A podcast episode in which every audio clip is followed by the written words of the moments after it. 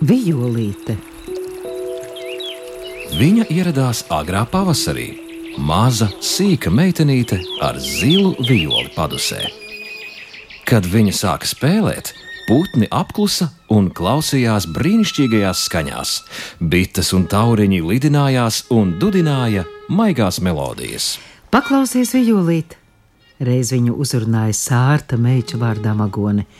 Tu varētu sarīkot koncertu un pelnīt lielu naudu. Ak, es neesmu mācījusies augstās skolās. Tā atbildēja Vijolniece. Es priecājos, ka mana spēle kādam patīk. Nu, bet, ja tev būtu nauda, tu varētu ietiepties dārgās drēbēs. Tā pamācīja Magone. Kā es redzu, tev ir viena pati zaļa kleitiņa. Bet es tajā jūtos labi, un graznas drēbes es nekāroju, atbildēja meitene. Ai, ja tev būtu nauda, tu varētu nopirkt dzintara krēles un aplikt ap savu tievo kaklu. Viņu sarunā iejaucās skaistula tulpe. Ar krēliem tu izskatītos glītāka un varētu arī kādam iepatikties. Vijolīt iesmējās. Tu saki, man esot neglīts kakls, bet ja es to apkāršu ar krēlēm un tāpēc patikšu kādam, tad jau tas iemīlēsies krēlēs, nevis manī.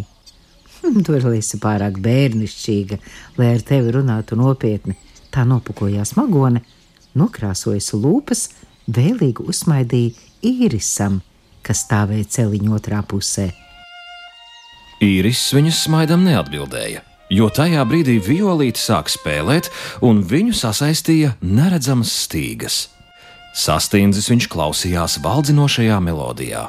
Tā plūda un plūda kā maiga dziesma par mīlu, par draudzību, kas nebeigsies arī tad, kad zeme sastings un tai pārklāsies lielais baltais klusums.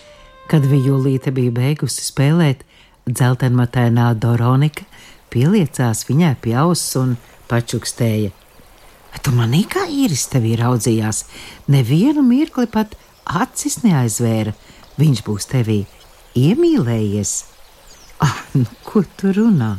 Vijolīt nopūtās. Es taču neesmu skaista. Blakus magonai un tūpei izskatos pēc pelnrušķītes. Kā gan manī varētu iemīlēties tāds jauneklis kā īris? Viņš droši vien ļoti mīl mūziku un klausījās manā vijolē, bet tu jau tūlīt gribi sajaukt prātu, lai vēlāk pasmietos. Lūk, noticēja mazā muļķīte. Tā Doronikai atbildēja Violīte, bet pēc šīs sarunas sirds sāka dīvaini mulst, kaut ko gaidīt un ilgoties. Tādos brīžos viņa piespieda pie pleca savu zilo violi, un ilgas un gaidas pārvērtās klusā melodijā. Un katram, kas tajā klausījās, šķita, ka dzīvē ir bezgala daudz laimes, un vajag tikai pastiept rokas, lai viss, ko tu vēlies, mīla, draudzība un prieks, sabirtu tajās kā zvaigznes no zaļganajām vasaras debesīm. Kad spēle apklusa, īris ilgi nebūtu attapies no pārdzīvojuma, ja ceriņš nepačukstētu. Īris, tu vecais zēn, neesi taču muļķis nepalaid garām savu laimi. Vai tu nesaproti, ka violīte spēlē tikai tev? Viņa ir tevī iemīlējusies. Nu, kā tu vari tik prasti spriedelēt? Īris sašuts iesaucās. Violīte ir liela māksliniece, un spēlējot viņas gars, lidinās debesu silgmē līdz pat saulei. Viņai ir svešas visas šīs zemes jūtas. Viņa dzīvo savā mākslas pasaulē, un tāds puisis kā es viņai nenozīmē vairāk par vienkāršu zāles stiebru. Iestājās silts vakars. Violīte spēlēja mēnesi sonāti. Sākumā tā pauda smeldzīgu lūgšanu, atsacīšanās skumjas, bet tad pēkšņi melodija pārgāja kaislos čukstos, aicināja, sauca un skaļi kliedza pēc laimes. Īrisam pie vaiga smagi elsoja magone. Viņas elpa reibināja kā vīns, īris skurba un zaudēja saprātu. Violīts tēls bija pārvērties skaņās, bet magone kļāvās viņam klāt, skūpstīja viņu, čukstēja maigus vārdus, un tā nu īrisam sāka likties, ka viņa laime ir magone.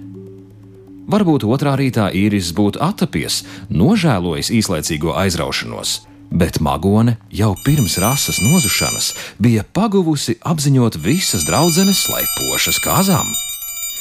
Kā jau pienākas, viņus apsveica, viņiem vēlēja laimes, sadarību, krietnu bērnu pulciņu. Magone apmierināti guldzināja, plivinādama sarkanos brunčus, bet īris stāvēja nekustīgs un vienaldzīgs, it kā ne viņu gaidītu lielā laime būt magonas vīram.